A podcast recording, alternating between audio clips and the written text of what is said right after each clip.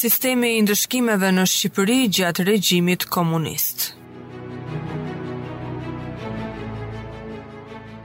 Shqipëria gjatë 45 viteve pas çlirimit nga nazistët përjetoi një prej diktaturave komuniste më të egra në Europë. Gjatë kësaj periudhe u ekzekutuan për motive politike burra dhe gra. Janë dënuar me burg ose dërguar në kampet e punës së detyruar mijëra persona dhe më pas kaluan në kampet e internimit.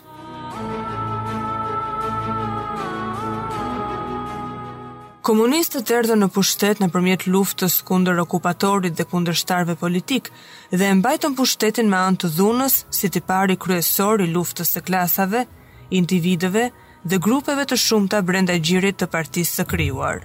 Për mbajtjen e pushtetit, Partia Komuniste krijoi institucione të dhunës, të cilat quheshin organe të diktaturës së proletariatit, misioni i të cilave ishte të shërbenin në mbajtjen e pushtetit. U kujdes që organet e drejtësisë penale të ishin besnike të saj dhe klasave e grupeve shoqërore që ajo përfaqësonte, duke shtypur, dënuar dhe persekutuar pjesën tjetër të shoqërisë.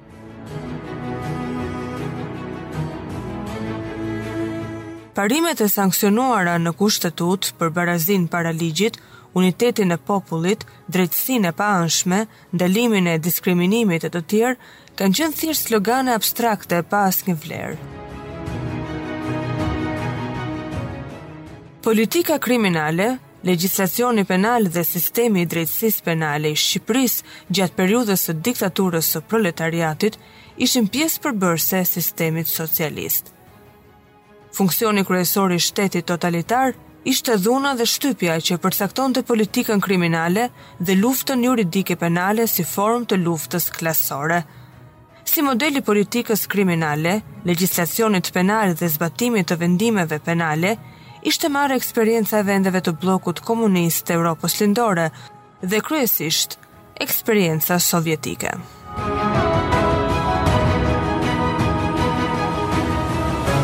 Politika kriminale si pjesë e politikës së përgjithshme shoqërore u zhvillua nën orientimin dhe udhëheqjen politik dhe ideologjik të Partisë së Punës,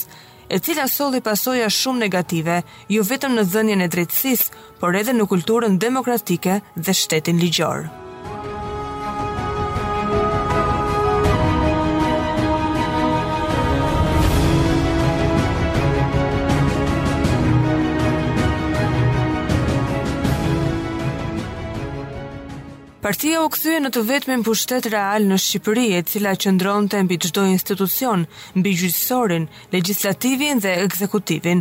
Përmasat e politizimit të organeve të drejtësisë u rritën veçanërisht pas viteve 1966-1967, kur nën shembullin kinez, udhëheqja komuniste shqiptare ndërmori reformat për revolucionarizmin e vendit, thellimin e vijës së masave dhe luftën kundër burokratizimit. Kjo periudhë u shoqërua me një ashpërsim të mëtejshëm të luftës së klasave dhe me ndryshime në legjislacion penal, i cili u zhvesh dhe u pastrua nga ato pak parime, të cilat formalisht ishin sanksionuar më parë.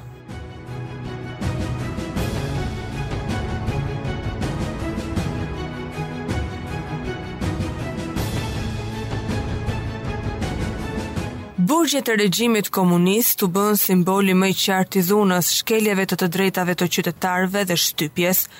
Nën shembullin e Gulagut të Bashkimit Sovjetik u ngritën kampet e punës së detyruar, ku u grumbulluan mijëra të burgosur ordinerë dhe politikë, të cilët kanë punuar në kushte çnjerëzore, të zhveshur dhe të paushqyer, nën kërcënimin e armëve.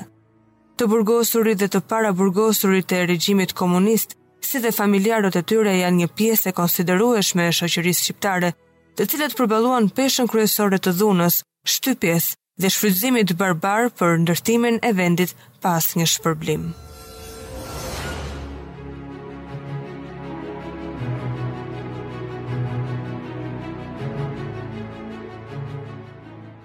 Gjatë periudhës komuniste, regjimi mendoi të siguronte mbijetesën e vet në rast sulmi nga SHBA apo Bashkimi Sovjetik. Pas viteve të para 1960, ku të dy konsideroheshin armiq, duke përdorur edhe katakombet ekzistuese, një numër tunelesh dhe galerish për popullsinë e qytetit, janë ndërtuar edhe në kodrat rreth e rrotull.